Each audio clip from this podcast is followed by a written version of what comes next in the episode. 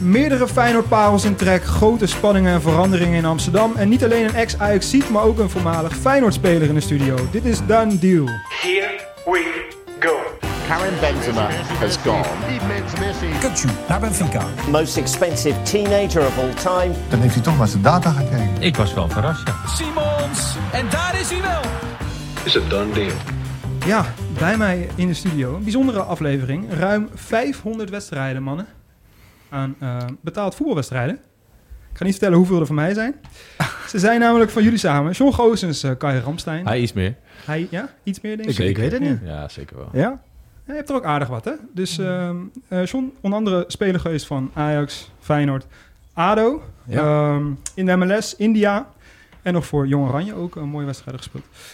Hoeveel podcastjes? Veel wedstrijden. Hoeveel podcastjes ooit gemaakt? Eh, dit is nummer twee. Ja, Ja. Nou, daar iets minder ervaren dan. Ja, we beginnen, we trappen af met een paar stellingen. Ja. Komt-ie. Het is dus een kort antwoord, hè? Het zijn quick fire questions. Een speler als ik kan het huidige Ajax goed gebruiken. Hoe ik momenteel ben of hoe ik was? Hoe je was. Nee. Mijn carrière na het voetbal is leuker dan mijn carrière als speler. Anders. Terugkijkend naar toen had ik gewoon ja moeten zeggen tegen Chelsea. Nee. Mijn linkerbeen is beter dan die van Rafael van der Vaart. Ja. Ajax of Feyenoord?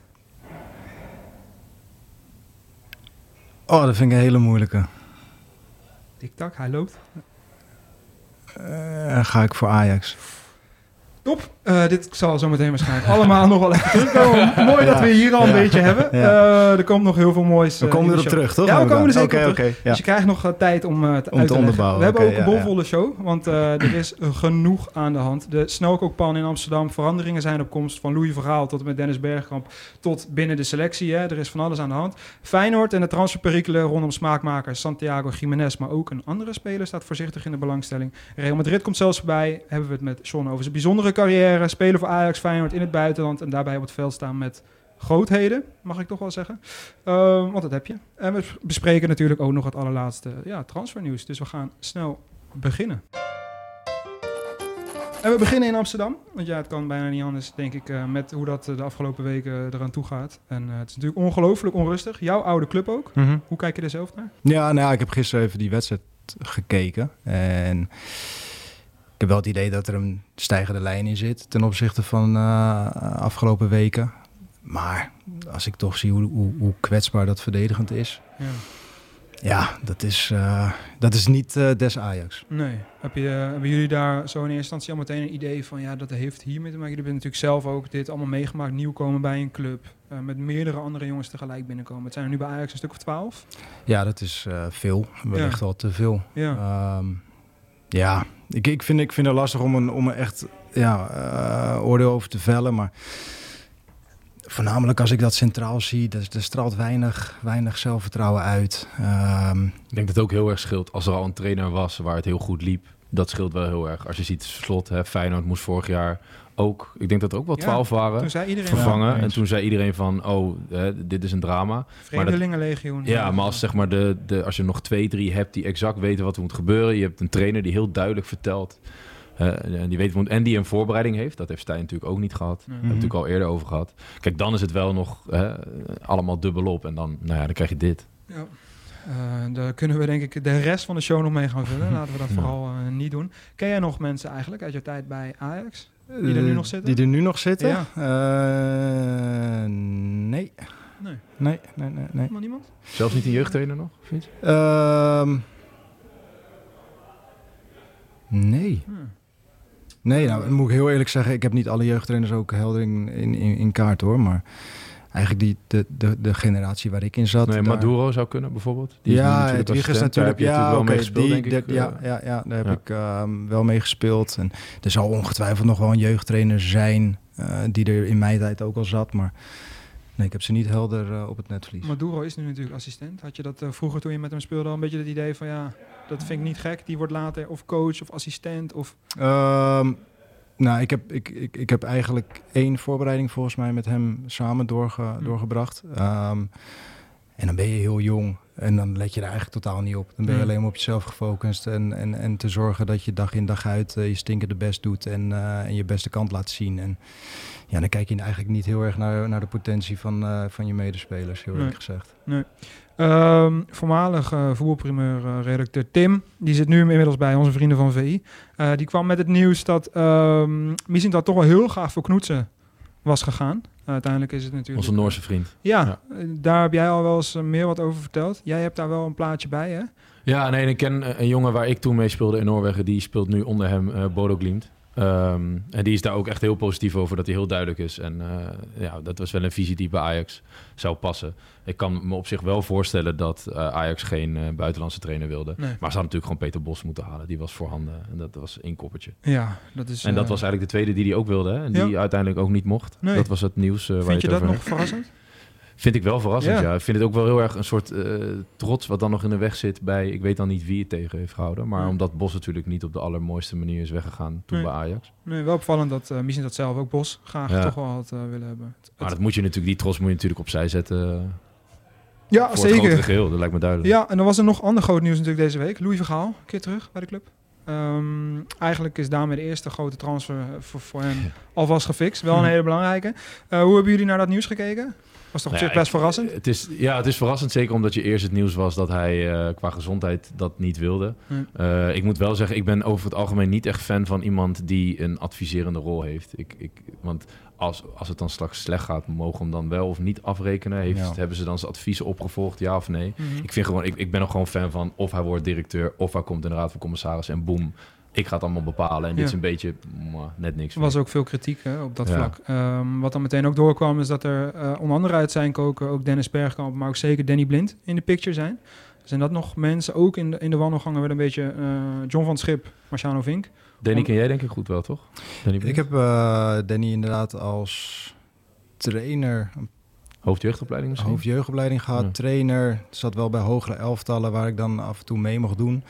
Nou, ik denk dat het voor Ajax op dit moment belangrijk is dat je, dat je de club DNA, dat je dat terugkrijgt. Ja. En, en dat is natuurlijk wel met, met dit soort namen die jij nu noemt, eh, creëer je dat wel. Dus wat dat betreft zou het in mijn optiek een, eh, een goede beslissing zijn om dit soort mensen weer terug, eh, terug binnen de organisatie eh, een positie te geven. Ja. Ja, Hij heeft misschien als bondscoach niet top gedaan. Daardoor Ja. is er een beetje kritiek ja. op. Maar ik vind altijd wel, als ik hem hoor praten en eh, wat, Tuurlijk. wat hij bij Ajax heeft, vind ik het wel echt een man die er wel echt kijk op heeft. Ja, en, zeker. het komt goed over. En hard voor de club. Ja. Ehm, Ik zei het net al eventjes, in jouw tijd bij eh, Ajax, volgens mij heb je drie voorbereidingen uiteindelijk meegedaan. Uiteindelijk Ja. nooit je debuut mogen maken. Maar als ik kijk naar de jongens waarmee je op het veld stond, ja, kan ik niet anders zeggen dan dat dat wel een flinke selectie eh, was, of selecties.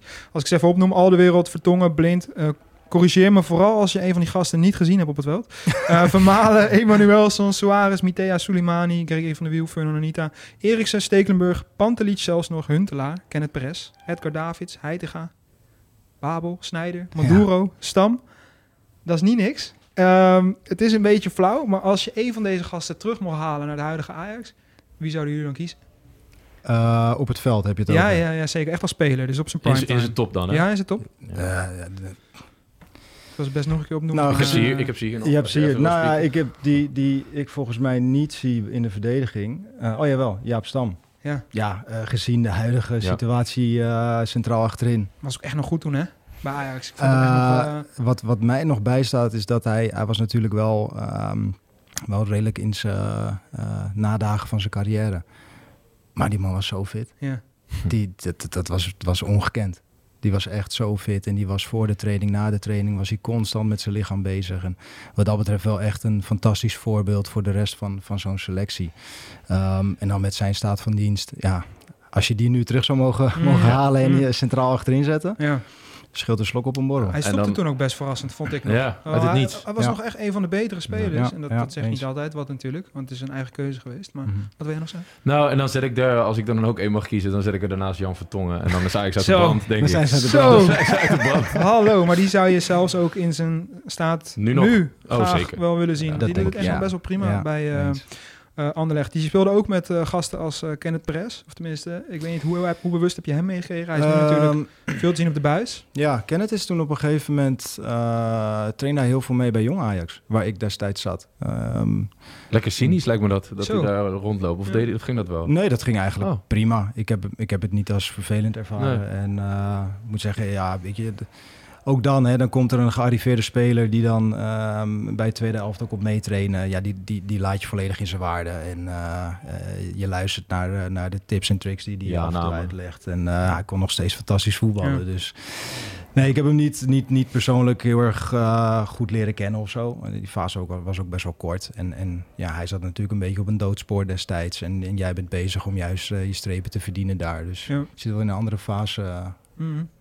Ehm, jij had toen natuurlijk... eh, wie waren eigenlijk jouw directe concurrenten voor Ajax 1? Eh, is het nog linksbuiten dan? Nou, in mijn eerste jaar, eh, zomer 2006, ehm, had je Mitea en Suleimani volgens mij. Nee, Suleimani werd, werd hij later gehaald, Ja, ik. volgens mij daarna. Ja, hè? Die van een flinke zak geld kwam. ja. Ehm, maar je had Suarez die op een gegeven moment Mm. naar Ajax kwam. Ja. En omdat Klaas-Jan in de spits stond, speelde Suarez vanaf links. Ehm, en dat was eigenlijk de positie waar ik eh, toen eh, voor bij het eerste elftal kwam. Dus dat was het. Dat eh, wordt lastig. dat- ja, in Ja. dat opzicht is dat geen eerlijke concurrentiestrijd. Nee, je was nog klassieke linksbuiten, toch? Ja, buitenom, had- linkerpoot. Precies, precies. Ehm, ik, had, ik, ik moest het voornamelijk hebben van mijn snelheid en mijn vroege voorzet. Ik had geen, geen echte individuele actie. En, ehm, dus daarin was ik best wel beperkt. Ehm, maar ik had een hele goede voorzet en ik hoefde niet altijd mijn man voorbij. Ehm, alleen, ja, als je dan Suarez eh, in één keer in je elftal hebt, die zich bij Groningen al bewezen had. Ja. En die met een drive dat veld opkwam. Ja, dat voegde veel meer toe dan dat ik op dat moment kon, eh, kon bieden. Wie was eh, de technisch directeur die destijds ook een beetje over jouw contracten ging? Weet je dat nog? Was Martin van Geel. Ah, Heb je daar altijd goede gesprekken mee gevoerd? Om de technisch directeur van, of de voormalig technisch directeur van Ajax is nu natuurlijk heel veel te doen. Uh, Misschien dat. Ehm, hoe was dat destijds? Ook de directeur bij Feyenoord, hè? Ja, Martin heeft mij inderdaad eh, daarna nog ook eh, naar Feyenoord gehaald. Ja, ik heb het ervaren als, als heel prettig. Ehm, was naar mij altijd heel open en eerlijk. eh, heel reëel. Ehm, ja, ik- Zo ken ik hem ook, ja. Hij komt in Ja, de media niet altijd goed woord vanaf, maar hij is naar mij maar- echt heel correct en duidelijk Zeker en weten. goed. En Ja, dat vond ik ja. altijd heel prettig. ja. Hij wordt vaak een beetje inderdaad, en eh, daar zullen wij onder andere ook aan meedoen, en het beeld eh, schetsen van informatie Ja. die wij krijgen. Maar hij wordt vaak wel op een bepaalde manier neergezet, ook over zijn Mhm. tijd bij eh, Ajax. Maar dat idee en gevoel... Maar wordt het bevestigd door spelers die met hem gewerkt hebben? Ook. En geluiden binnen, eh, niet per se spelers, maar andere mensen die met hem te maken hebben. Dus Oké. Of het nou mediarelaties zijn of eh, andere bronnen die eh, met hem gewerkt hebben. Dus vanuit de organisatie zelf, waar Ja. hij bij zat. ja, ja, ja, oké. Ja, ik heb een heel ander beeld. Ja, jij ook. Ja, ik ook. Ik, ik kan geen slecht woord over hem zeggen. Nee. Ik heb inderdaad mijn eerste en mijn tweede contract bij Ajax onder hem getekend. Ehm, eh, na mijn periode bij NEC heeft hij mij naar Feyenoord gehaald. En ook daar ehm, kan ik niet anders zeggen dan dat hij heel goed werk heeft geleverd voor mij Ja. eh, in persoon. Ehm, en heel, heel fijn samengewerkt met hem. Nou, misschien komt hij straks nog wel terug, want we gaan natuurlijk zo nog naar Rotterdam. Dan nog even kijken naar de huidige selectie. Ja, dit wordt echt misschien wel de meest vervelende vraag. Want ik, ik had het, dacht er zelf over na. Toen dacht ik, ja, wie ga je in godsnaam kiezen? Er zijn natuurlijk heel veel transfers gedaan bij Ajax afgelopen zomer. Eh, we hebben ze nu ook weer zien spelen. Wie valt voor jullie echt het meest tegen? Als je er nu eentje... Het is, daar moet ik wel even meteen bij zeggen, het is best wel vroeg. Ik denk dat je alle jongens ook echt nog tijd moet geven. Eh dat weten jullie als geen ander ook. Als je bij een nieuwe club komt, Ja. nieuw land, je spreekt de taal niet, weet je, dat kan je niet altijd baseren op, Nee. op de eerste Voor mij is maanden. het wel heel makkelijk hoor. Laat dat duidelijk zijn. Maar als je dan toch nu... Ja, voor mij is het wel makkelijk, omdat ik daar het meest van verwacht had. En dat is de enige die in mijn eh, optiek, dat ik dacht, dat is een zekerheidje die je aankoopt. Eh, Ja. dat is Sutalo. Je zat Eh, bijna in zijn fanclub. Kroatisch International. Ja, ik vond hem, wat ik van hem gezien heb, vond ik hem echt goed. Ik denk, Ja. die jongen heeft alles. Lengte, snelheid. Eh, op die beelden kon hij ook best wel gewoon goed inspelen. Ik heb hem ook nog met Zagreb tegen AEK Athene eh, nog gekeken. Geeft hij ook gewoon een steekpaas, zet iemand voor de keeper. Ja. Dat je echt denkt, en, en als je hem nu ziet, ja, je, je gelooft het gewoon niet. Daar moet ik je ook een beetje verdedigen met de fanclub. Want we hebben hem ook nog gezien bij Kroatië tegen Nederland. Nou, prima. Echt Ja. een goede Ik heb speler. tegen Spanje zien spelen. Ja. dus, maar wat is eh, het dan nu dat het niet eruit komt? Nou, ik denk dat een heel belangrijk aspect is, maar dat is dus ook waar jullie mij vooral in moeten aanvullen, is dat als jij het, de taal niet spreekt, ehm, voor het eerst een grote transfer maakt, hè, laat het ook duidelijk zijn, die jongen had, heeft altijd bij Zagreb, die is nog nooit 20 miljoen waard geweest, spreekt de taal niet. Hele hoge verwachtingen. Het eh, is al een puinhoop in de club zelf. Je speelt met allemaal nieuwe jongens die in dezelfde situatie zitten. Dus die ook de taal niet spreken en ook allemaal voor het eerst een grote transfer hebben gemaakt. Of het nou Mhm. Avila is, Mansverk, Miko Tatsen, Akpom. Het zijn allemaal jongens die voor het eerst geld kosten. Mhm. En dan wordt er ook nog eens van jou verwacht dat jij het wel eens even nu neer gaat zetten. Eh, ik denk dat dat soort best wel een giftige cocktail is. Maar veel ja, meer maar aan. denk- onder- on- onderscheidt dat niet de, de echte grote eh, van de gemiddelde spelers? Ja. Als je op dit soort momenten wel je mannetje staat Mhm. en wel een, een, jezelf een waar. leider toont Ja. eh, in, in zo'n situatie? Nee, zeker. Ja, het, het was bijzonder knap geweest als het hem zou lukken. Maar dat zou wel meteen inderdaad laten zien wat voor hout hij gesneden is. Ja. Ehm, dus zeg jij nu eigenlijk ja, dat hij kan sowieso... Ja, hij kan denk ik sowieso meer doen. Alleen het is wel veel. Het is wel veel om nu in je eentje... Maar denk je zelf ook niet, heb jij ook niet het idee dat, dat er maar een heel klein groepje is die... Ik, moet, ik moest ook in een, in een goed elftal zitten om zelf goed te voetballen. Ja, nee, tuurlijk. De, de- Eh, ja. Nee, ik ben het met je eens namelijk. Maar de- denk jij niet, hoe, hoe, hoe groot denk jij dat die groep is? Van spelers die zetten gewoon ergens neer en boem, ze zijn goed. Hoe slecht het elftal ook is. Ja, Hebben jullie die zijn er meegemaakt weinig van. Hebben jullie die meegemaakt? Iemand waarbij je dacht, zo, die komt nu binnen. En dat is niet normaal. Eh, hij is alsof hij de jaren speelt. Dat je echt dacht, wat een gozer. Ja, maar dan zou het ook in een slecht elftal moeten zijn bijna. Dat Ja. je dat gevoel hebt. Maar oké, Ja. in een beter draaiend elftal dan. Alsnog relevant. Waarbij je echt meteen dacht, jezus, je hebt de tien minuten gezien en je dacht, deze gaat Nou ja, ik, het- ik, ik, ik, ik had dat wel met Graziano Pelle. Ja. Die kwam eigenlijk een beetje uit het niets bij Feyenoord weer. Ehm, en eigenlijk vanaf dag één Ja. zag je van ja, dat spat een en al klasse en kwaliteit vanaf. Ja. Eh, de manier van afwerken tijdens training. En ja, Ja. het- het- het- ik denk als je die in wat voor ploeg, dan natuurlijk moet die aanvoer hebben om, om tot, tot rendement te komen, om zijn doelpunten te maken. Maar dat was voor mij wel een speler dat je met in ieder geval Nee, maar had zijn- had wel zijn dingen gewoon... Hij kwam het veld op, imponeerde en hij zette iedereen weg. En, Exact. en, oh, ja, Technisch ook Want- echt onderschat, hè? want had... Ja, eh, wat hij, Mhm. eh, geweldig, hoe hij de bal ook soms ja, want een touwtje had. 100 kilo volgens mij, 6% vetpercentage. Het was ook echt gewoon een topatleet. Ja. Ja. En, en een jaar daarvoor, toen was jij er net niet, eh, als we het dan over zo'n speler hebben. Mhm. Gudetti was het ook. Ja. Die kwam eigenlijk in een elftal, we waren helemaal niet goed. En hij kwam als jonge jongen binnen en hij nam het hele elftal op sleeptouw. Dat was ook ongelooflijk. Wat was zijn grootste eh, kla- klassepunt, zeg maar? Dat je echt, nou, niet normaal. Nou, ik, Toch zijn gewoon gedrevenheid? karakter. Gewoon zijn karakter. Ja. Gewoon, gewoon het van... Hij zei gewoon dag één, fucking hell, eh, we gaan winnen. Ja. Zoveel zelfvertrouwen. Ja, en gewoon terwijl je denkt, je hebt nog nergens gespeeld, Nee. dit eerste. Ja. Kwam uit tweede van City natuurlijk. Hij liet het zien. Ja, Ja. Mooi. Eh, een beter bruggetje is er eigenlijk niet, want we gaan nou ja, van Amsterdam. We waren eigenlijk al half in Rotterdam, maar we gaan nu naar een andere oud-club van jou. Ja. Waar jij flink wat meters eh, hebt gemaakt, volgens mij. Plus 30 wedstrijden, 33 wedstrijden uit mijn hoofd. Eh, drie goaltjes, daar gaan we het misschien zo nog over hebben. Misschien kan je het ondertussen googlen. Eh, ze hielden zich knap staande in Madrid eh, tegen Atletico. Eh, ik kijk ook vooral naar jou, Kai. Heb je genoten van die wedstrijd? Hoe heb je daar naar teruggekeken? Ja, ik vond echt een hele goede wedstrijd. Eh, Wie vond je het best? eh poeh, nou, ik vond Hansko goed. Ik vond eh Stenks goed. Ik vond Zerouki eigenlijk heel goed. Ja. Die drie. Hartman? Hartman goed. Ook wel oké. Jij hebt eh, verschillende posities gespeeld. Begon Ja. natuurlijk als linksbuiten. Uiteindelijk ook nog wel op linksback gespeeld. Volgens mij ook centraal op middenveld op 10. Mhm. Heb je ook allemaal wel gespeeld. Ehm, zijn er, wat was eigenlijk überhaupt je lievelingspositie zelf? Was dat eh, later ook nog steeds linksbuiten? Nee, nee, nee, nee, nee, nee, nee, nee. Wat, wat, wat ik net zei, ik, ik was echt een ouderwetse Ja. linksbuiten met, met, met snelheid en een vroege voorzet. En eh, dat was voornamelijk in de jeugd. En eigenlijk dat ik naar betaald voetbal eh, ging, voelde ik me comfortabel op het middenveld. Ehm, en, en voornamelijk eigenlijk in een controlerende rol, eh, waarin je het spel kon verdelen van links naar rechts. ehm, en eigenlijk zorgde voor controle op het middenveld. Daar lag uiteindelijk wel mijn, ja, mijn meest comfortabele positie. Ja, een van de grote uitblinkers denk ik van de laatste weken is Quinten Timber. Eh, vond ik ook tegen Atletico bij Vlaag echt alweer heel goed Ja. spelen. Hij wordt nu voorzichtig, of eigenlijk niet voorzichtig. Het zijn ook een beetje wilde geruchten. Toch wel in Engeland ook genoemd bij de volledige Engelse top. Waarin top, het dus geen concrete eh, belangstelling is. Maar waar ze hem dus wel echt monitoren. Wat op zich niet gek is, denk ik. Kijkend naar hoe snel eh, zijn broer zich ook heeft aangepast. En de ontwikkeling die Quinten Timber nu ook doormaakt. Ehm, is dat een jongen waarbij jullie denken, ja, die gaat over een aantal jaar wel, of misschien al na dit seizoen, de stap maken? Ik denk wel dat hij de potentie in zich heeft. Ja. Eh, niet alleen voetballend, maar ook qua eh, lichaam, het fysieke. Ze hebben zo'n goed fysiek, hè, die twee. Ja, Ja. dat je, de- Ook- de- Het is flauw om te zeggen, want het is natuurlijk super logisch, maar ook een beetje hetzelfde natuurlijk daarin. Ja. Dus je weet... Mhm. eh, Ah, het is zo mooi. Het, is, het, het heeft iets moois, heel krachtig. Straalt het uit zonder dat het moeite kost. Nee. Dat is, het heeft iets bijzonders, vind ik. En ze Ja. zijn natuurlijk niet heel lang.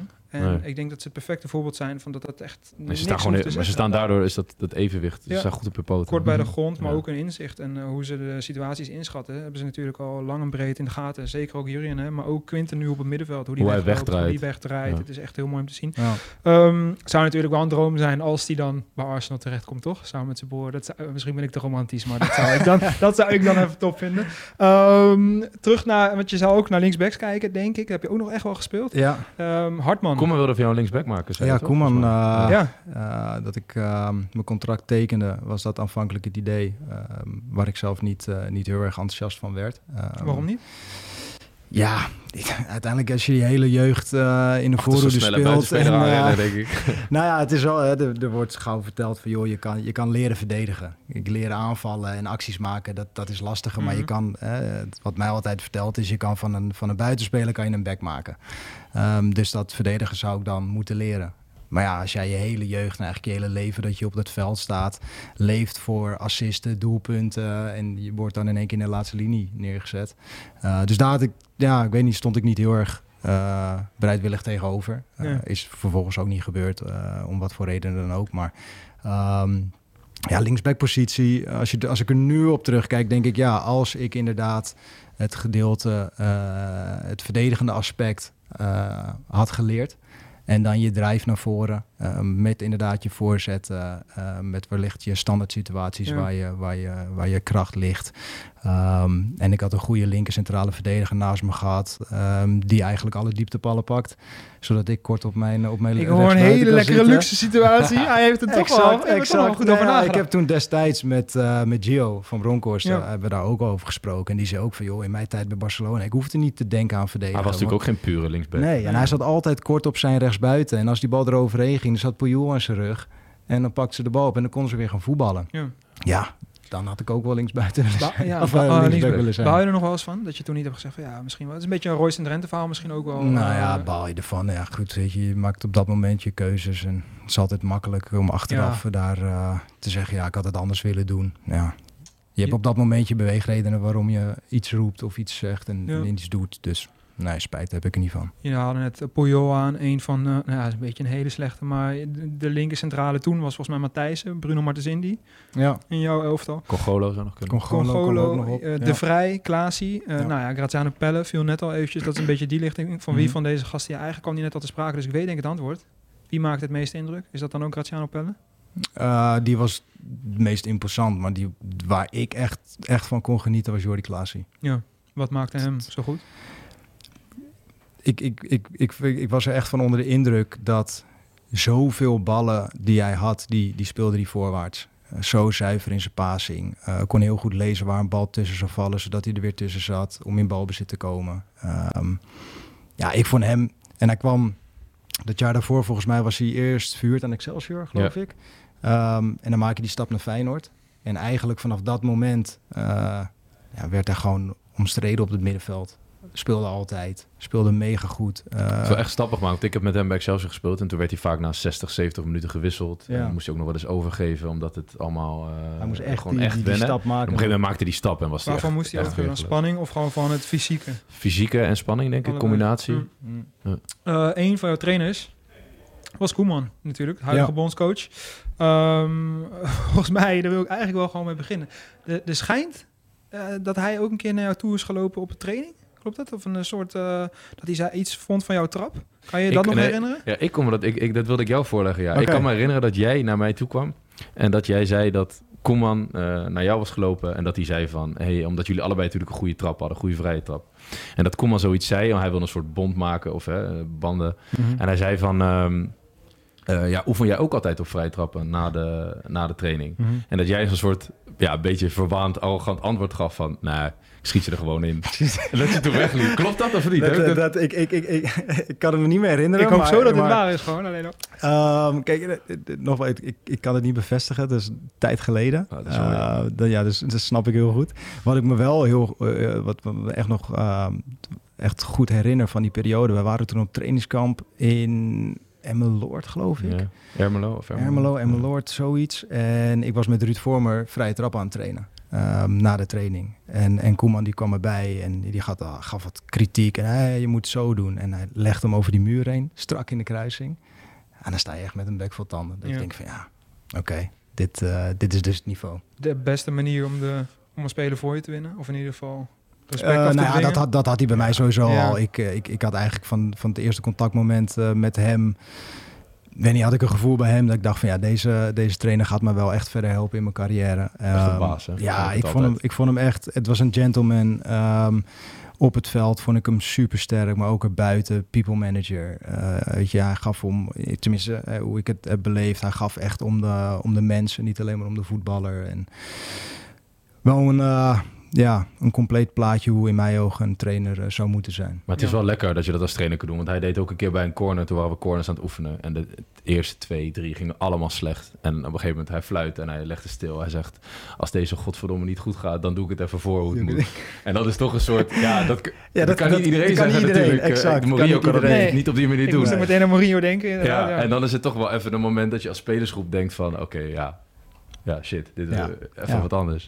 Eh, had, vond, won hij die groep dan ook heel makkelijk voor zich? Ja. was be- geen hele Ja. makkelijke groep was het volgens mij. Ja, maar nou... Ook veel talent op zich. Dus dat is dan Het was ook zo makkelijk voor hem volgens Ja? mij. Want iedereen had wel zoiets van... dit is gewoon eh, een grootheid waar we naar luisteren. Ja. Ja. En we hadden ook niet zoveel... Spelers hadden niet zo heel veel gepresteerd daar. Dus het was niet van... Oh, we, hij moet werken met iemand die al een Champions League heeft gewonnen. Of wat. Nee, nee, nee, nee, nee, totaal Ja. niet. Totaal niet.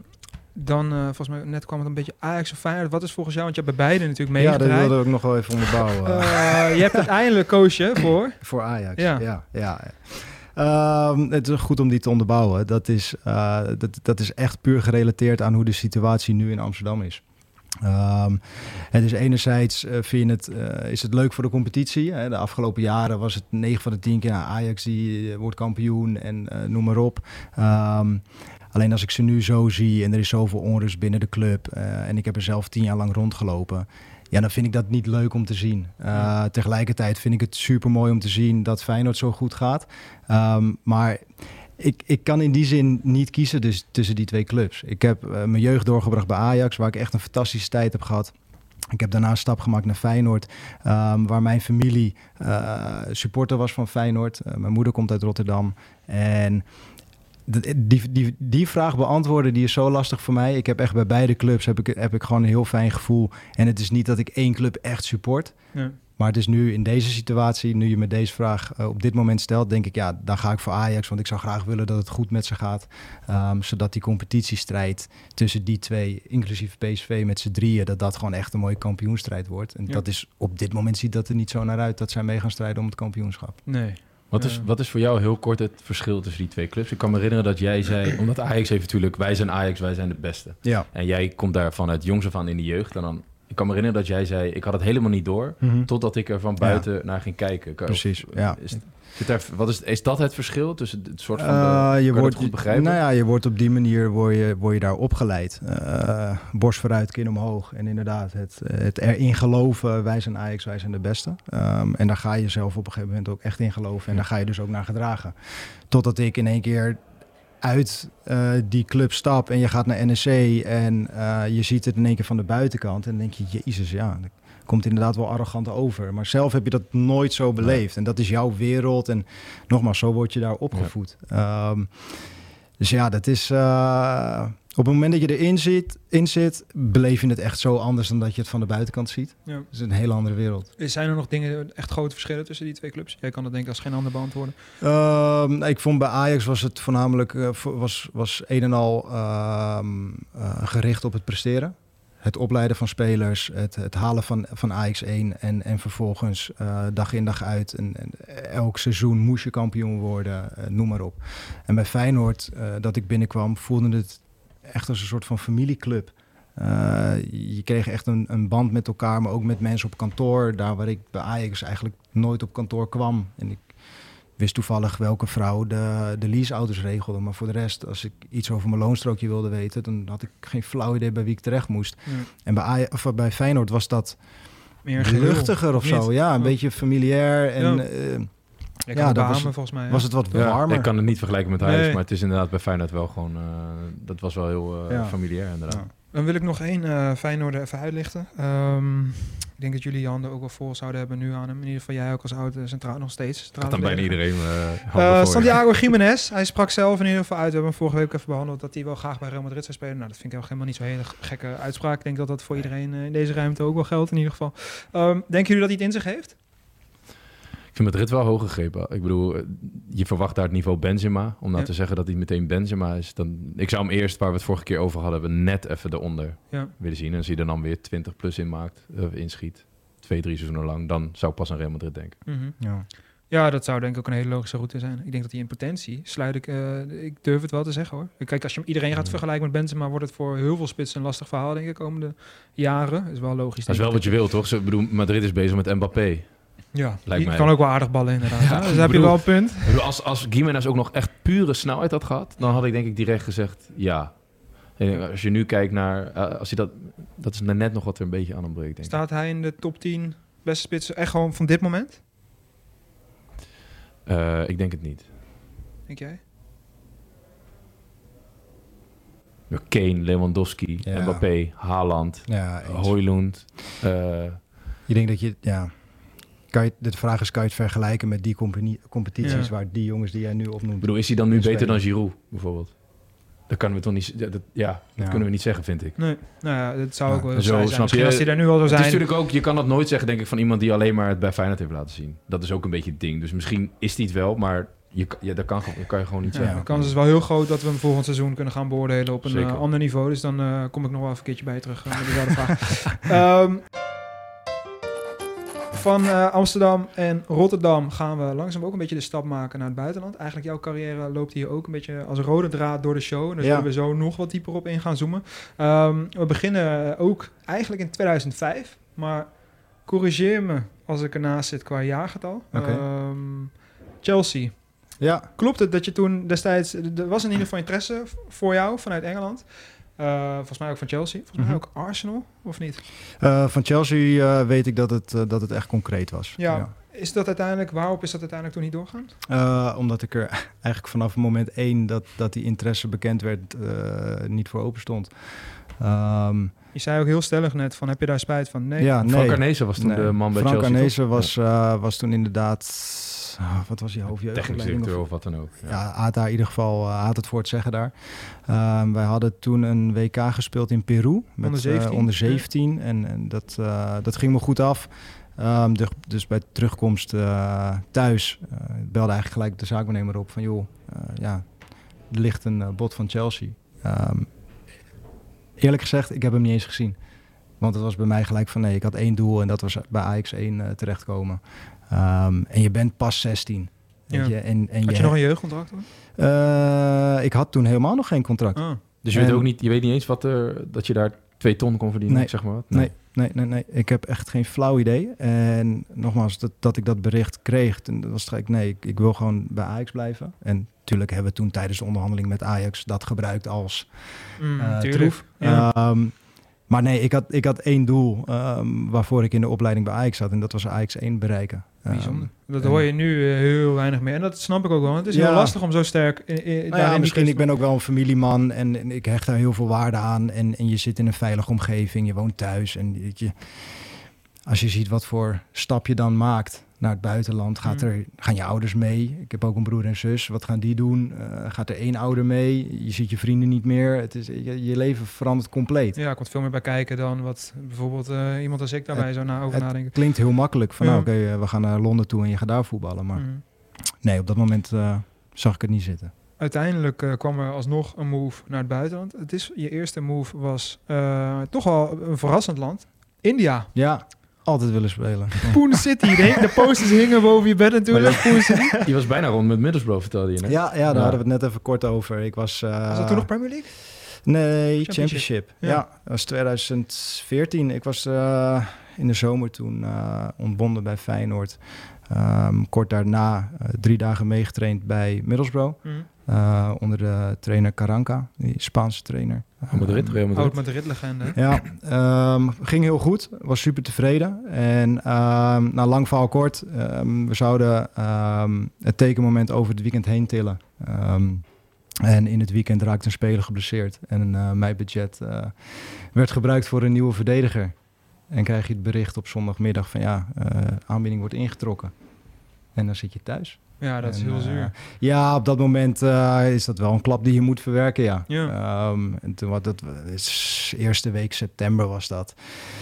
Ja, en dan zit je te denken, wat nu? Hè, veel clubs die, eh, die hebben een selectie rond. Ja. Balletje al in alle competities. Ja, de competities En waren al je, zei, bezig. en- je, je denkt waarschijnlijk ook van op vrijdag, eh, als je niet zo moeilijk had gedaan om een paar extra vliegtickets of Exact, eh, ja, ja. 100 euro voor de weet ik veel wat erbij. aanbieding dan, ligt op tafel. En het dan rond. was het een dan deal geweest. Ja. Mooi om in de term Ja. te blijven. Ehm, en toch, ja, achter, nogmaals, achteraf kan je altijd zeggen, ja, had ik maar. En, en op dat moment doe Het is je hetgeen dat... Ja, Ja, weet je, dus dat is... Ja, goed, het is gebeurd. Maar dat, dat had er wel mee te maken dat ik uiteindelijk naar India ging Ja. in oktober. Ehm kreeg toen een, eh, een aanbieding. ehm, en dat was voor drie maanden. Het was oktober, november, december. Het was niet, niet een, een eh, heel seizoen. Het was echt een, een korte competitie of een, eh, een toernooivorm die ze hadden vormgegeven daar. Power League, hè? Ja. Heel kort, sterren En- halen. Precies, League, precies. Het was Zelfs vooral... eh, Ramstein hebben ze toen gebeld. Kan je nagaan. hè? kan je nagaan. Nee, dat was, het was in die zin, en daar hoeven we geen doekjes om te winnen. Het was financieel super aantrekkelijk. Was voor, voor de poen. En anderzijds, het was een hele mooie overbrugging tot aan de winterperiode. Ja. eh, dat die markt weer open was Ja. en dat clubs wellicht op zoek gingen naar versterking. Was het vergelijkbaar met je contract bij Feyenoord? Ehm, per saldo, eh, als ik hem vergelijk met drie maanden of twaalf maanden, dan had, verdiende ik meer in India. eh. Ja, bizar. Ja. Dat zegt eh, genoeg natuurlijk. Je stond op het veld. Echt wel, misschien voor de jongere luister gaan kijken. Die heeft misschien geen idee. En dat is hartstikke pijnlijk. David Trezeguet. Ja, toch? Die, Die stond, stond, daar eh, gewoon de balletjes ook binnen te koppen die jij voor eh Ja, gaf. hij trainde niet heel veel meer, moet ik Nee. zeggen. Hij, eh, Zeker niet in hij- India, snap ik op zich ook. wel. Ja, hij dacht, hij Hij- was denk ik ook al 38 of zo. Ja, hij was, hij was, hij was, Was hij nog goed? Eh, nee, Nee. nee. Ik bedoel, je zag wel dat hij... Iets Ja, kon. Hij kon, hij, kon, hij kon nog wel iets. Nee, het was, het was een en al voor de naam. Ja. Ehm, en, en hij heeft regelmatig een training geskipt. En hij gelooft het allemaal wel. Op de, eh, tijdens de wedstrijden dan, dan zet hij zich wel echt volledig in. En, en was het nog wel prima. Maar het zou me niets verbazen als hij niet eens een doelpunt heeft gemaakt. Nee, dat zouden we op moeten zoeken. Maar Ja, daar gaan we even het staat me niet bij in ieder geval. Een andere persoonlijke favoriet, ik weet niet wat jij ervan hebt meegekregen, maar ik, eh is een jongen die natuurlijk als een van de grootste talenten van Engeland misschien wel te boek stond. Eh, toen hij zijn debuut mocht maken voor Arsenal, was hij die nacht daarvoor eh, zo dronken geweest dat hij om zes uur 's ochtends nog McDonald's ontbeten. Toen speelde hij daarna zijn debuut voor Arsenal, maakte hij een hat-trick. Hij zag helemaal niet aankomen dat hij ging debuteren. Ja. Ik heb het over Jermaine Pennant. Daarna ging hij nog naar Birmingham en is hij nog best wel echt Is wel het een goede advies voor jonge spelers dan eh, get wasted en ja, eh, ga naar de McDonald's. Nee, de dat Mac niet. Morning. Op wedstrijd dan? Nee, ik denk niet dat hij echt een goed voorbeeld is. Want daarna heeft hij, was hij volgens mij ook nog de eerste Premier League speler ooit met een enkelbandje om op het veld tijdens wedstrijden. En heeft hij ook heel veel dingen gedaan waar zeker de Engelse pers van smulde. Maar die niet echt eh, bevorderlijk zijn voor je voetbalcarrière. Ja. Ehm, het was nogal een wilde bras. Heb je daar iets van meegekregen toen in India? Was hij daar ook Ehm, wel... eh, Nou, hij was daar, was daar, was daar vrij rustig. Al kon er ook niet heel veel, denk ik. Ehm, nee, we zaten wel vaak aan tafel met, eh, met de Europese spelers, zeg maar. eh, waar je dan je ontbijt en je lunch doet. Maar hij oogt op mij heel rustig. Ja? Natuurlijk wist ik ook destijds wel de verhalen van hem. Ja. Maar die... Ik die heb hem niet een beetje uitgelogd. eh, en Nee, toe, eh, nee, nee. Soms denk je daar nog wel eens aan terug dat je denkt van, ja, ik had eigenlijk misschien meer vragen moeten stellen. En, maar ja, je zit daar ook een beetje als tussen haakjes grote speler uit Europa. En dan denk je, ja, dan zit je met Pennant en met, eh, met David zit je aan tafel. En dan ga je ook ineens gedragen alsof je Gaat net niet zo fanboy van- uithangen. Nee, dat is ook een beetje knullig, toch? Ja, Ja. Ja. Zijn er gasten uit jullie carrière die... Kijk, dit is eh, in mijn optiek wel zo'n bad boy in het eh, voetbal geweest. Helemaal als je zijn boek leest, Mental, waarin hij het alleen maar eigenlijk over trio's heeft. Het dronken rijden, weet ik veel wat, wat hij allemaal gedaan heeft. Eh, mocht je nog een keer een uurtje hebben, kan je, zou ik hem je aanraden om te boek. lezen. Goed boek. een van de weinige boeken die ik kan volgen Ehm, zijn er gasten waarmee jullie gespeeld hebben waar Jezus, die was volgens mij, eh, ja, ik wil niet zeggen niet goed, maar gewoon was in ieder geval gezellig. Laten we het zo omschrijven. Die had mooie verhalen, zeg maar. Iemand die daaruit springt. Je hebt bij NEC natuurlijk ook nog... eh, Ehm, ja, ik wil niet Pothuizen nu met Jermaine Pennant gaan vergelijken, maar dat is eh, nee. iemand die mooie verhalen Nee, ik, ik, heb niet, ik heb niet eentje dat ik denk van die was echt knettergek. De, degene die ik, de- waar ik echt, echt, echt vermakelijk om, om gelachen heb, was Tom Beugelsdijk. Maar ja, goed, dat is denk ik een beetje wel Ja. algemeen Mm, bekend. Ja. Als je zo'n jongen in je kleedkamer hebt. En Ja. Echt een fantastisch hart, een fantastische kerel. Maar ja, die, die kwam ook wel eens op een training dat je dacht van... nou, je hebt hem doorgehaald. Of je hebt ergens onder een brug gelegen, maar je hebt niet in bed gelegen Nee. vannacht. Maar dat was ook wel het mooie. En dat was van Pothuis ook. Die kon ook wel eens gewoon een nacht doorhalen. En dan ging ze wel weer door het geluid, of niet? Maar, maar, maar die ging het veld op 's Ja. ochtends. En die was gewoon de beste op de training. Ja. Dat je denkt van ja, daar, daar heb ik wel respect voor. En tuurlijk, je kan het niet goed praten. Maar uiteindelijk levert hij wel. Ja. Daar kan er ook weinig van zeggen, denk ik. ik, Ja. ik, ik, ik doe het hem niet na. Nee. Als ik een nachtje doorhaal, dan moet ik drie dagen herstellen. Dus Ja, eh, ik ben net zo'n poesie. Dus ik ga er ook helemaal...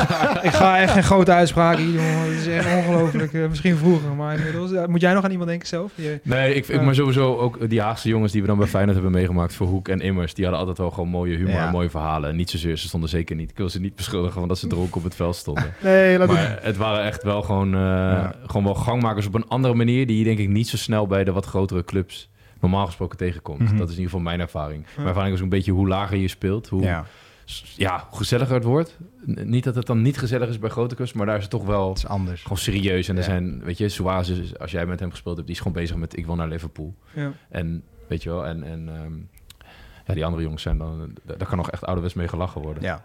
Uiteindelijk ging je via Roemenië naar de MLS. Ja, Eh mooie club, Chicago Fire. Speelde je met eh, iemand die flink ruzie had met Louis Vergaal. Bastiaan Schweinsteiger. ja.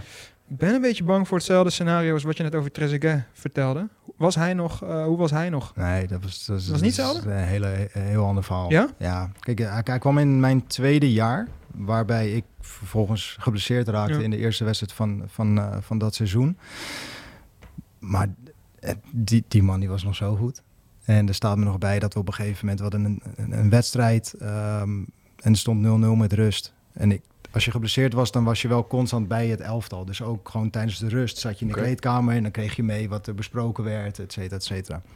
En op een gegeven moment, eh, die trainer die, die, die, die legt uit van, nou, wat moet er dan beter? En, eh, en Basti die, staat die staat ineens zo op en zegt, trainer, joh, ma- mag ik even? En die begint te schuiven op het bord en dingen uit te leggen. Ja, die wedstrijd, die kantelde volledig en we wonnen hem.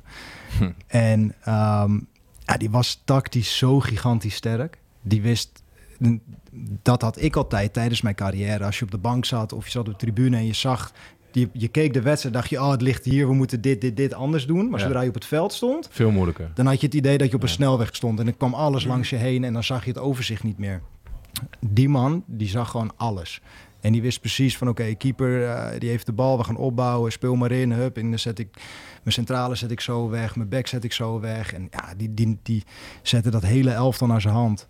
Maar los daarvan, van dus de, de kwaliteit die hij had, nog steeds die, die motivatie om te leveren. Constant veel trainen en behandelen en op een topprof. Ja. Echt in, in een jaar, ik, heb hem dan een beetje van de afstand gezien omdat ik nooit met hem heb gevoetbald, eh, wedstrijden. Maar eh, genot om mee, eh, om mee te werken, om, om naar te kijken überhaupt hoe, hoe hij die sport beleeft.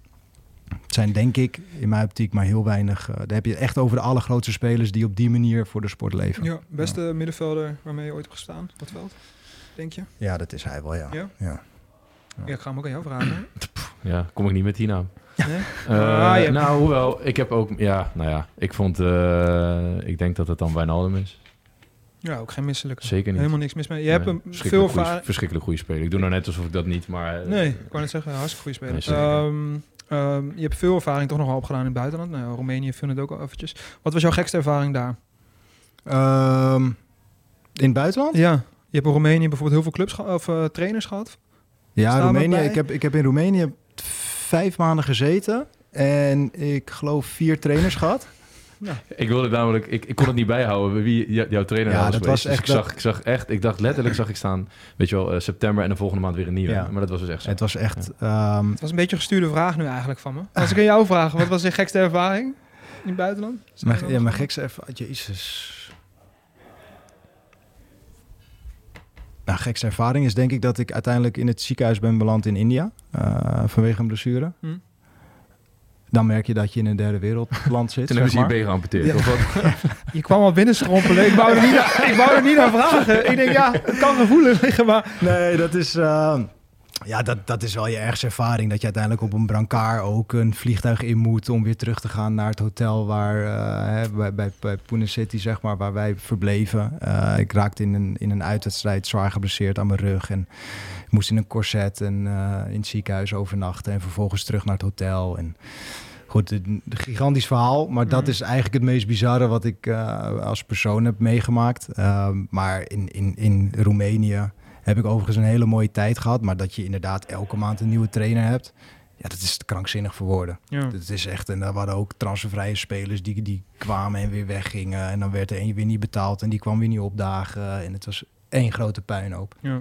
Maar goed, het was voor mij een overbrugging naar weer die winter. Omdat er al contact lag met, eh, met Chicago Fire.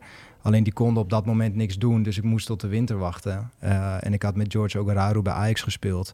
Eh, en die had wat ingangen via die club. Dus ik kon daar gewoon prima contract tekenen. Met een clausule dat ik in de winter gratis naar, naar Chicago kon. Nou, zo zeg, zo gedaan. En ik heb daar in die paar maanden tijd heb ik geloof ik 18 wedstrijden gespeeld. En ik heb me redelijk gedistanceerd van al die gekkigheid die daar gebeurde. Mhm. Ik deed mijn ding en ik trainde en ik speelde mijn wedstrijd. En mooie stad overigens. Hele Ja? mooie stad. Ja, echt een fantastische stad. Eh, aanrader om in de zomer naartoe te gaan. Hoe heette die stad? Dan kunnen mensen. Boekarest. Oh jee, Boekarest. ik dacht nou komt er een... eh, Want Voluntar, Vol, Ja, het was Voluntari. Voluntari. En dat is, moet je eigenlijk zien als Amsterdam en Diemen. Eh, het was ja. een onderdeel van Boekarest. Eh, maar ik woonde daar gewoon op een compound met zwembaden buiten. En, ho- en, eh, Zou Jermaine Pennant ook een mooie stad eh, hebben gevonden? ik denk dat je goed kon uitgaan daar. Ja. Ik dacht ook, nu komt er echt een stad die niet... Boekarest. Gewoon heel... eh, Nee, heel- het is echt, ja. oh, je wist niet dat het daar... Nee, daarom. Dus, dacht ik-. Eh, je hebt veel, eh, nou, toch echt wel veel meters gemaakt. Bij dat zijn uiteindelijk net veel Middlesbrough al even. Zijn er nog andere deals die uiteindelijk niet door zijn gegaan? Waarvan je denkt, oh man, kijk, het is makkelijk, het is balen achteraf. Maar Ja. zijn er nog clubs waarmee je wel gesprek hebt gehad waarvan je dacht, oh jammer dat dat eigenlijk niet doorgepakt is? Eh, nee. Nee, dus Middlesbrough was de grootste. En nadat ik bij, dat het bij Middlesbrough niet doorging, ben ik nog heel even bij Millwall geweest. Ja, ja. Eh Club Ian Holloway, wel- volgens mij die trainer. Ja. Ehm, ben er toevallig vorige week geweest bij Millwall. Oh, ja, in het stadion. En dat is wel... Dat, de je- Den, toch? Ja, de Den. Ja. Dus dat is een fantastische plek. Ja, Een fantastische eh, sfeer. En echt een hele mooie club. Natuurlijk ook van oudsher. Iedereen kent het natuurlijk al van die films, die hooligan films. Ja, Vind- Zou ik misschien nog wel jammerder vinden dan Middle- Middlesbrough, hoor. ja ik, ik voelde er dus helemaal niks bij. Ben je er wel geweest Ik ook? ben er geweest. Ik heb drie dagen meegetraind. Ehm, en nee, ik zeg het fout. Dus ik zou drie dagen meetrainen. Ik ben de tweede dag naar huis gegaan. nee, ik kon het, het ik, ik paste daar totaal niet. Het is natuurlijk, was dat nou het echt was dat oude super kick and rush? En, en- eh, ja, het, dus, dus, zat, dus zat nul voetbal in. Ehm, het zegt ook veel over mij dat ik dit natuurlijk leuk vind. Hè? nee, maar ja, het, is, het is toch een manier van voetbal waar je van houdt of niet. Ja. En- Het is gewoon een en, stijl, En, eh, en, en je, power, komt, je ja. komt bij Feyenoord vandaan waar, waar eh, relatief verzorgd voetbal wordt gespeeld. En dan kom je in één keer bij... Relatief verzorgd ook. Nee, Ja. maar toch? Ja, zeker. Nou, en destijds. Als je nu, je Nee, gaat niet mee. vergelijken met nee, nu. Nee, nee, exact. Precies. Ja. Dus, ehm, en dus er stond daar een boom van een kerel achterin, centraal. En dat was alleen maar alle ballen naar voren. En ik stond die training. Ik dacht, ja, dit, dit, dit, dit- Dus hier, ga, jou over, zeg hier ga ik niet gelukkig van worden. Nee. Weet je? En Klassieke sterker- pijn in mijn nek eh, verhaal nou ja, als je op middenveld staat. En sterker Ja. nog, ik ga, ik, hier, ik ga aan dit voetbal ga ik niet eens iets kunnen toevoegen. Nee. Eh, dus Uiteindelijk toen- trok jij zelf de stekker er dus uit. ja, toen ben ik, eh, Ja. ben ik weggegaan. Ehm, ja, dat is eigenlijk de enige die, die daar ja, niet door is gegaan. Oké. Ja. Nou, ehm, vanuit hier gaan we nog even naar het volgende topic. Misschien wel voor jou de, misschien nog wel de leukste eigenlijk. Je hebt natuurlijk veel ervaring opgedaan in het buitenland. Eh, uiteindelijk heb je je carrière afgesloten bij ADO Den Haag. Je kreeg net ook al een stelling voorgelegd. Ja. Eh welke carrière je eigenlijk leuker vond tijdens, ja, als profvoetballer of nu? Mhm. Ehm, want ja, eigenlijk begon nu misschien wel het echte, ja, misschien nog belangrijkere leven na je carrière wel. ja. Eh, je bent niet zo heel lang geleden gestopt. Mhm. Ehm, hoe is dat nu? Hoe, hoe viel, val je dan in een gat als je dan... Nee, ik ben niet in een, eh, in een gat gevallen. Eh, ik heb het, het laatste jaar bij Den Haag eh, eigenlijk het voetbal gecombineerd met het ondernemen. Ja. Ehm, ja, was achteraf niet, niet de meest ideale situatie, omdat je gewoon volledig moet focussen op voetbal. En ik ging 's ochtends trainen en dan 's middags dan ging ik naar kantoor en dan ging ik daar mijn ding doen. Ehm, alleen ik, ik merkte wel dat, dat mijn carrière richting het einde ging en ik haalde er minder plezier uit. En natuurlijk had ook te maken met corona, met het lege, lege stadions. Situatie binnen de club eh, was, was in drie jaar tijd eh, volledig omgedraaid. Eh, er was, was veel onrust binnen de club. Ehm, en dat heeft uiteindelijk ertoe doen leiden dat ik toen in december zoiets had van ja, maar dit, dit gaat voor mij niet meer werken. Dat Nee. laatste half jaar laat lekker zitten. Ik zet er een punt achter. En ik ga door eh, met de onderneming die, eh, die ik ben gestart. Ja, Ehm, vertel daar eens iets meer over. Ja, want wat View is dat Sports? precies? Ja, Viewsports is, eh, nou ja, wij helpen eh, sporters, mijn oud, oud collega's eh, op gebied van financiën. In, eh, in de breedste zin van het woord. Ehm, met het uiteindelijke doel is eh, op elk gewenst moment in het leven voldoende geld hebben. Zodat je het leven kan leiden dat je wilt. En, en niet afhankelijk bent van geld. Ehm, ik heb tijdens mijn carrière eh, daarin eigenlijk nooit eh, hulp of advies gehad. Ehm, ik heb altijd wel gespaard. Ehm, maar op dat moment liet ik al zoveel mogelijkheden liggen. En je gaat relatief snel leven naar de, naar de inkomsten die je hebt. En tijdens die blessure 2017 eh, in Amerika... ja, ga je meer naar je financiën kijken. Er werd mij toen verteld van... joh, eh, pijnvrij lopen is het maximale. Voetbal is echt een no-go. Kan je uit je hoofd voor jouw eigen Dat carrière. werd tegen mij gezegd Ja. toen eh, vanuit, vanuit de dokter. Dus dat is wel even dan een moment eh, dat je denkt van oké, ik ben nu 29. Reality check. Ik had gedacht tot mijn 35e door te gaan. Dus het eerste wat je gaat doen is oké, ja, hoe sta ik er financieel voor? Ehm, en nou, uiteindelijk bij een financieel eh, planner terechtgekomen. Eh, en toen ging er op financieel gebied voor mij een wereld open. Dat ik dacht van ja, maar hoe kan het zijn dat ik nu op mijn 29e dit pas hoor, terwijl ik op mijn 16 al mijn eerste contract teken? Ja. Dan had er gelijk iemand gewoon naast mij moeten staan, mee moeten kijken en me tips en tricks moeten leren. eh, om vervolgens het maximale uit je, uit je financiën te halen. eh, die voortvloeien uit je, uit je sportieve carrière. Nou, dat is dus nooit gebeurd. Vind je het En- een gemis voor zaakwaarnemers? Ja, Ja. ja vind ik een gemis. Ik, eh, je hoort vaak genoeg eh, dat zaakwaarnemers roepen van... joh, we begeleiden ze van A tot Z. ja, precies dit. Ik denk dat elke zaakwaarnemer Trek het uit elkaar, is er een handjevol die dat dus daadwerkelijk doet. Er Ja. zijn, zijn genoeg zaakwaarnemers die gewoon zeggen... joh, ik breng het van A naar B en voor de rest doe ik het niet. Nee. Ik ga me er niet, niet mee bezighouden. Ik word betaald voor het leveren van een deal. En dat is wat ik doe. Ja. Ehm, ja, in mijn optiek moet je, moet je als, eh, als begeleider het totaalplaatje proberen aan te bieden in ieder geval. Ehm, daar waar dat in mijn optiek niet vaak genoeg gebeurt. Eigenlijk ben je zelf het goede voorbeeld van wat je nu dus eh, die learnings mee Ja. kan nemen en dan nu spelers Exact, juist heel goed kan helpen. En het is, het is in die zin... ehm, kijk, je, ik heb er even goed, eh, goed, goed aan overgehouden aan mijn Mm. carrière. Alleen ik had het nog veel beter kunnen doen. En ehm, ik vind het belangrijk dat voornamelijk jonge jongens al in de jeugdopleiding... die wellicht hun eerste jeugdcontractje tekenen... die moet je een bepaalde educatie geven. Dat ze weten wat houdt geld in, wat komt erbij kijken... de, de druk die je van buitenaf ervaart... Hoe ga je zelf met je geld om? Wat zijn de mogelijkheden met geld? Het zijn Ehm, gek genoeg ook geen dingen die je echt op school krijgt. Hè? Bij daar hebben wij het zo, zo vaak over. Eh, als je kijkt naar economie, je, hebt het over micro-economie, eh, hoe, hoe werkt alles, maar heb je het over persoonlijke financiën? Nee. Nee, inflatie je moet- moet je weten en dan... Nou ja, eh, precies. Maar hoe, hoe moet je wel. budgetteren? Ja. Hoe moet je verder kijken Ja. qua mogelijkheden? Er wordt gewoon niet bij geholpen. Nee. En, en Ook al hele simpele dingen, eh, als, als je belastingaangifte doen overigens. Dat Exact. soort, dat soort dingetjes. Herken jij dit ook natuurlijk? Ja, ik voor- zeker. Ja. En ik heb, ik heb denk ik ook, en jij dan ook, jij eh, was misschien iets meer, eh, je had sowieso betere contracten en eh, was wat meer van de auto's, waardoor je misschien wat meer uitgeeft. Ik heb gewoon het geluk dat ik inderdaad verstandige ouders had en ik zelf best wel een spaarder was. Mhm. Het is echt een geluk, hè? Zeker ook Want als je anders- goed kan voetballen. Anders dan, dan, je gaat er gewoon namelijk mee, want je ziet wel om je heen, die heeft een auto. En er wordt toch een zaadje geplant van, ja, het is wel lekker zo'n auto. Ja, exact. En je ziet een horloge en ik kan me nog herinneren, de allereerste keer zat ik aan tafel en ging het om horloges en ik was 17 of weet ik wat. En ik, ik wist niet dat het bestond. Ik wist niet dat er horloges waren van 10.000 euro. En daar ging het dan over. En toen dacht ik ineens, wow. En toen had ik nog een heel klein contract, dus ik, ik dacht ook, ja, dan moet ik mijn hele jaarsalaris in dat horloge stoppen. Maar dat zijn wel dingen dat je ineens, en toch, naarmate het Ja. voordat denk je, ja, is toch wel leuk zo'n... Steeds eh, dichterbij. Ja, Ja. en ook hoe vaker Ja, je het ziet, hoe meer het Ja. ook een realistisch beeld natuurlijk wordt van hey, ik moet dat hebben of het lijkt me interessant. Ja. Ja. Eh, jij begeleidt nu hoeveel spelers? ja, we zitten net onder de 50 spelers. Ehm Zijn het begint- allemaal voetballers?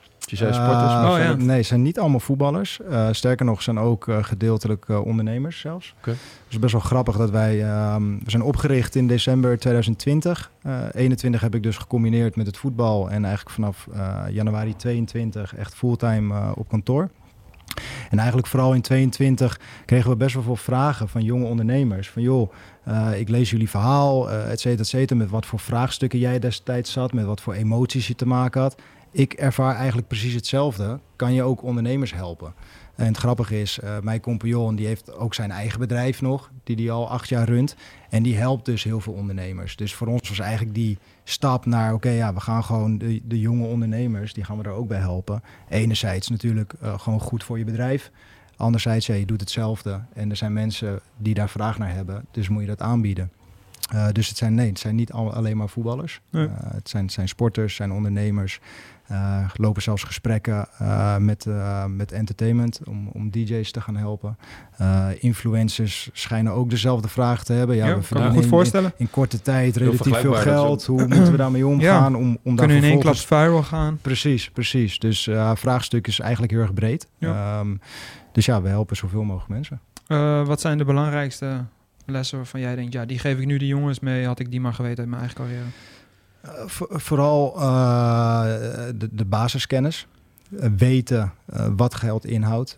Heel goed begrijpen dat het, ja, de, de dusdanige contracten die je tijdens je voetbal hebt, dat die niet oneindig zijn. Want dat is wel altijd een beetje het gevoel dat je hebt van ja, oké, ik, doe, ik doe een, een, een, een grote uitgave, want volgende maand komt er weer een klap met geld binnen. Ja. Um, en dat proberen wij vaak ook wel bij jongens heel erg inzichtelijk te maken. Van, hè, Kai heeft het net over dat, over dat horloge. Stel je koopt nu dat horloge voor 1000 of 10.000 euro. Um, wat kost dat horloge per saldo over 5 jaar, 10 jaar, 20 jaar? Hè? Zet dat is weg tegen gewoon een, een, een goed gespreide beleggingsportefeuille. Nou, als je dan ziet wat voor rendementje je mist op dat moment, Mhm. zou je dus kunnen zeggen: oké, ja, je kan nu overwegen dat horloge te laten liggen, vervolgens je geld op een goede manier te investeren en over 10, 15 jaar kan je bewijs van elk jaar een horloge kopen uit het rendement dat je hebt behaald in de Ja. afgelopen jaren. Uh, en dan is het niet dat wij zeggen je moet dit of je moet dat. Maar ik vind het wel voor ons een rol om te laten zien wat de mogelijkheden zijn. Zodat zo'n jongen zelf een bewuste keuze kan maken van oké, ja, ik, hey, ik, ik snap het, maar ik kies toch voor het horloge. Nou, helemaal goed, maar dan is het een bewuste keuze. En sommigen die denken, ja, ik laat hem nu even liggen. Ik ga eerst zorgen dat ik financieel helemaal gezetteld ben. En dan koop ik dat horloge later wel. Of die auto, of die woning in Spanje of in Dubai. Wat je tegenwoordig allemaal, allemaal ziet. Um, zodat die jongens bewuste keuzes maken. En niet gaan leven naar hun inkomsten. En vervolgens, als je dus geblesseerd raakt. Of je krijgt geen contract meer ergens. Dat je in één keer denkt van ja, had ik dit maar tien jaar eerder gedaan. Dan had ik er anders bij gezeten. Ja. Ja, dat is natuurlijk iets wat veel breder gaat dan alleen het voetbal. Maar Ja. Nee, ook- zeker. Het is Ja. ook gewoon in de maatschappij. eh, ik vind eigenlijk, dat er moet gewoon een stuk educatie wat betreft persoonlijke financiën, moet gewoon op school gegeven worden. Ja, nou, daar kan ik het alleen maar mee eens zijn. Ja.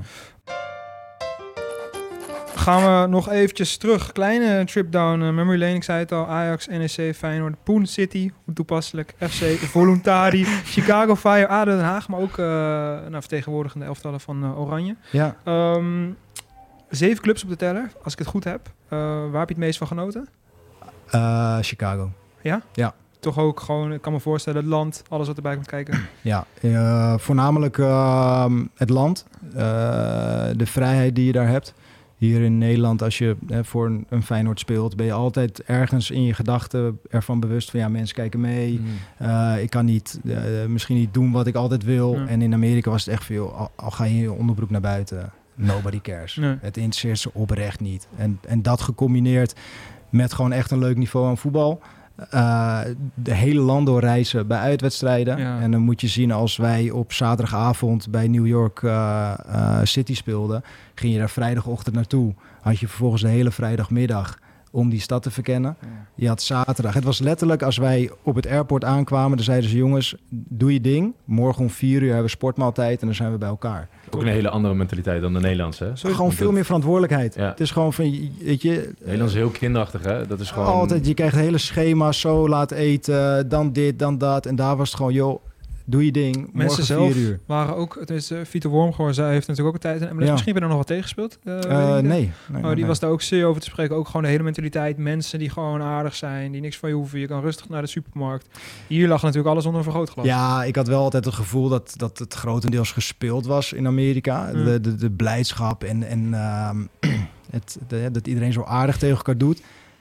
Maar het interesseerde mij echt niet. Ik werd erdoor aangestoken en iedereen was super happy en doen. En je gaat zelf ook zo leven. Weet je, je kijkt naar het positieve. En, uh, Ook wel lekker, juist. Zo'n ik, vibe, vond het, toch? ik vond het echt fantastisch. Weet je, we wonen midden in de stad, 35 hoog. Je kijkt over de stad uit. Uh, je hebt een goed contract. Nou, je speelt met jongens als Zwijnsteiger. Uh, ik had er natuurlijk Johan Kappelhoff en Michael Ja, de Leeuw. Nederlands groepje. Als, als, um, als, als team, teamgenoten. Dus we hadden eigenlijk drie gezinnen waarin we hele leuke dingen konden doen. De stad die, die bood alles. Je had, je had het stadsleven, maar je had ook bij Lake Michigan had je een strandje waar je in, in, de, in de zomer kon liggen. Dus dat is bij far echt mijn beste en leukste periode geweest. Wat is dan, moet ik die ook stellen, je, je minste periode geweest? Als je kijkt, terugkijkt naar je carrière.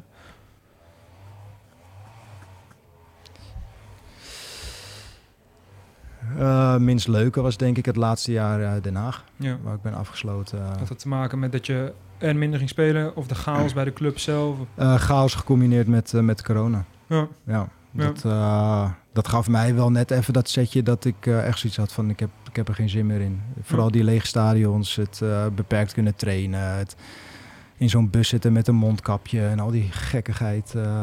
Ja, dat heeft het bij mij toen wel ingehakt. Heb je uh, even iets anders waar ooit ook nog een lelijk doelpunt gemaakt? Dat vroeg ik me nog af. Ik was namelijk nog even op beelden aan het kijken. Niet ik weet dat jij dat ook hebt gedaan. Uh, want dan komen we ook meteen bij de stelling die ik toch nog even op het eind wil even behandelen. Ja. Betere linker poot dan Rafael van der Vaart. Ja, je hebt het zelf gezegd, ja. Ja, ik heb het zelf gezegd. En je, het, ik, um, ja. Ja, je hoeft ze ook niet per se toe te lichten. Maar uh, ik heb namelijk uh, weer... Kijk, de goals zaten mij nogal goed in het hoofd. Want ik heb ze allemaal vrij bewust meegemaakt. Ja. Toen jij uh, in de Eredivisie en overal speelde. Ja. ja. dat waren geen misselijke goaltjes. ik, had, ik, had, ik had oprecht altijd het gevoel van... Ik heb weinig spelers gezien die zo'n linkerbeen hadden als ik. Nee. Zonder mezelf op de schouder te kloppen en, en arrogant over te komen. Um, ik heb ze niet gezien. Heb je nog met Theo Jansen bij Ajax gezeten? Nee. Oh. nee. Dat is dan iemand die meteen bij mij oppopt. Die uh, ook echt zo'n... Jij stond ja. ook echt bekend om je, om je linkerbeen. Mm. En dat had hij ook. Ja. Was, was dat ook jouw grootste Eens. wapen, denk ik? Hè? Ja, heb je ooit een lelijk, lelijk doelpunt gemaakt? Kan je die nog herinneren? Ja, vast. Nou, ik heb één keer een, een doelpunt gestolen. oh, bij de, op de lijn gewoon? Op de lijn, oh, ja. ja, ja van, van Leroy George bij NEC. Ik zat in een fase waarin ik echt gewoon even op het, uh, op het uh, scoreformulier moest komen. En ik dacht, uh, het is even, even, even die woede naar mij toe is prima. Maar over een jaar dan staat mijn naam nog steeds ja, op die lijst. Dus, ja, uh, ik, hij telt. Ik, ik, ja, ik heb hem gepakt. Ja. Ik heb hem echt net even dat laatste setje over, over de doellijn gegeven. Ja. Dus dat is Totdat je dan bij het spel staat. Dacht je daar nog oh. aan voordat je het doet? Uh, dat nee, je denkt, nee. sta ik bij het spel of niet? Nee, het is wel daarna dat je denkt, het zal toch niet. Zo, ja. Ja, ja. Gelukkig hadden ze geen varretje. Maar uh, nee, dat is, dat is zeker gezien het verhaal, is dat waarschijnlijk wel het lelijkste, lelijkste doelpunt ooit geweest uh, die ik heb gemaakt. Ja, uh, dan wou ik ook nog heel veel, toch ook afrondend nog één keer naar de trainers kijken onder wie je hebt gewerkt. Uh, ik, moet, ik vaar hier volledig op wat jij me hebt aangeleverd, Kai. Mag ik ook wel erbij zeggen. Martin Jol, John van Schip, Adrie Koster, Henk ten Katen. En het is een greep, het zijn ze niet allemaal. Mhm. Patrick Kluivert ook nog. Ronald Koeman, Giovanni van Bronckhorst, Alan Pardew. Ja. Mario Been. Mario Been. Ja. Wie uh, viel jou het meest op in positieve zin? Is dat dan Koeman geweest? Ja, was ook Koeman. Ja? Uh, van Bronkhorst daaronder? Is dat anders? Gio had een andere rol op dat moment. die was assistent, eigenlijk tweede assistent. Ja, ik kan me dat beamen, want ik, vond, ik was heel erg verbaasd dat Gio hoofdtrainer werd van Feyenoord en niet Jean-Paul van Gastel. Ja, ja, Jean-Paul van Gastel was eigenlijk de eerste assistent van Koeman en die was veel meer de, de veldtrainer die ik echt heel goed vond. En, en, en, en die deed ook volgens mij de, de, de wedstrijdbespreking zeg maar, voor de wedstrijd. En Gio was toen de tijd veel meer gewoon uh, leuk in de kleedkamer. Ja, die en was, natuurlijk heel veel verstand van voetbal, maar was gewoon meer van ja. even naar je toe, even, of een grap. Ja. Hij was heel erg uh, ja. van de grapjes ook. Het was, gewoon totaal anders dan dat je nu denk ik zou... Uh, ja. Heb je nog, uh, want je hebt ook Alan Pardew. Ja, ik ben gek van Championship. Dat zou je nu inmiddels niet meer verbazen. Ja. Het Millwall uh, is ook een trainer die best wel een goede staat van dienst in Engeland ja, ja, had. Zeker, en hier zeker. in Nederland toch wel ja, als een Mismatch, soort hè, halve, ja, ook wel een clown een beetje werd. Ja, uh, zo, zo heb ik hem helemaal niet. Ik, ik vond dat ook wel echt een, een gentleman. Ja. Um, hij was naar mij toe echt heel erg ver. Grote clubs in Engeland, hè? Hij heeft zich wel, ik, ja, nou, hij heeft zich denk ik wel uh, verkeken op het niveau van de Eredivisie. Wij speelden toen volgens mij de eerste wedstrijd na de winterstop. Toen was hij, uh, was hij aangesteld als trainer. Wij speelden RKC thuis met, met Den Haag. En we speelden in Den Haag. En we hadden een bepaalde tactiek waarbij we dachten van ja, dit, dit gaat niet werken. En Hij zei, ja, we hebben het over RKC en die kunnen niet voetballen en weet ik het allemaal wat. Nou, uiteindelijk wonnen we die wedstrijd met, vanuit een standaard situatie, een, een eh, vrije trap. En die, die, die wonnen we dus uiteindelijk 1-0. En de volgende dag zei hij, fucking hell, hé, RKC is de best voetballende ploeg in de Eredivisie. die had dus gewoon totaal geen idee van hoe die Nederlandse voetbalcultuur is. Dat er gewoon vanuit, elke ploeg bouwt gewoon op vanuit achteruit. Ziet hoe er druk gezet wordt, ziet waar de, waar de, waar de kansen liggen. Ja, daar had hij zich wel op verkeken. Had hij zich overigens wel snel op aangepast. Ehm, maar goed, dit was, was qua trainer vond, vond ik hem prima. Zal ongetwijfeld niet iedereen eh, beamen. Ik heb ook wel dingen gezien die hij bij andere jongens deed. dat Ik denk, ja, is niet, niet helemaal netjes. Maar naar mij toe, prima. Oké, nou ja, dan eh Henk de Kaat en Patrick Kluivert. Het was een mooi rijtje, Ja. denk ik. Ehm Fons, Fons Groenendijk staat Fons er, eh, Groenendijk, Ja. ja. ook. Ja. Ja, ja eh, John van Schip dus ook nog. Ja, als Eh, assistent. ja. ja, ja Dus dat is eh, Patrick Kluivert. Ja, het zijn eh, toch ook nog Henk de Kaat, die nu natuurlijk ook weer veel in het nieuws is. ja. Heb je daar nog veel van meegekregen bij je tijd bij Ajax? ja, ik heb toen mijn eerste voorbereiding eh, bij de selectie met hem meegemaakt. En er staat me nog bij dat toen op een gegeven moment was er een speler die had witte schoenen aan. En eh daar was kritiek op. Hij had iets van, je, je draagt gewoon zwarte schoenen. Dat is het. En toen ben ik smiddags als de brandweer ben ik naar, eh, naar Hilversum, naar de Nike Store eh, gereden. Om daar een paar zwarte schoenen te halen. Want die had ik ook niet. Nee. Ik denk, ja, die stok die ga ik hem niet geven om mee te slaan. Nee. Dus eh, hij was wel heel erg... eh, ja, hij, was niet, hij, hij keek niet, hij, hij bekommerde zich niet echt om de jonge spelers. Dat deden de assistenten meer. Hij was meer gewoon het totaalplaatje zorgen. Dat Dat was echt het een andere elftal tijd draait. en nu kan je geen zwarte schoenen meer vinden. Nee, nee, exact. Dat was Nee. toen de tijd echt een eh stok om mee te slaan inderdaad. Ja. Ja. Als je slecht was. Ja, Nu valt het op inderdaad als je zwarte schoenen draagt. Eh, heb je zwarte schoenen nu? Je speelt nog steeds? eh, nee, Toch? ik voetbal niet meer. Ben je laatst dan gestopt? Ja, Eh, ik heb eh, uiteindelijk... nog bij je eigen amateurvereniging? Ja, ja, ja. Zwarte padelschoenen misschien. Zwarte pardelschoenen, die heb ik wel. Ja. Nee, ik ben eh, januari dit jaar ehm, was, het, was het klaar. Ja. Dus eh, ik geef veel training bij, bij de jeugdelftallen. Dat Ja. vind ik heel erg leuk. En Ja. daar stop ik een hoop tijd in. Maar voetbal zelf niet meer. Oké, nou heb je genoeg ook tijd voor View Sports natuurlijk, waar veel tijd eh, in Waar eh, veel tijd in gaat in zitten. zit. Ja. Ehm, dat was hem. Hoe vond je het? Ik vond het super leuk, man. Ja, Dankjewel voor de uitnodiging. Ja, top dat je er was. Ja. Eh, wil je nog iets van het hart over Kai bijvoorbeeld? Jullie hebben ook nog een tijdje samen. Kennen hem inmiddels een beetje. Ja, we net Iets wat ik echt moet weten over die gozer? eh, Of, eh, Zullen we dat eh Ja, doen we zo. toen, eh? doe, doe maar zo wel. Ik ben heel benieuwd. Dan hou ik nog even mijn perspraatje aan alle luisteraars. En waardering in de Spotify-app wordt natuurlijk eh, absoluut gewaardeerd. En alle kijkers, doe even een duimpje omhoog. Ehm, abonneer op het kanaal en vergeet geen reactie achter te laten onder de video. Wie is de absolute titelfavoriet van de Eredivisie? En wie zou jij graag ook nog in Dandiel willen zien? Of wil je gewoon dat John nog een paar keer terugkomt? Dan gaan we dat ook gewoon regelen. Ehm, dank voor het kijken, dank voor het luisteren en tot de volgende.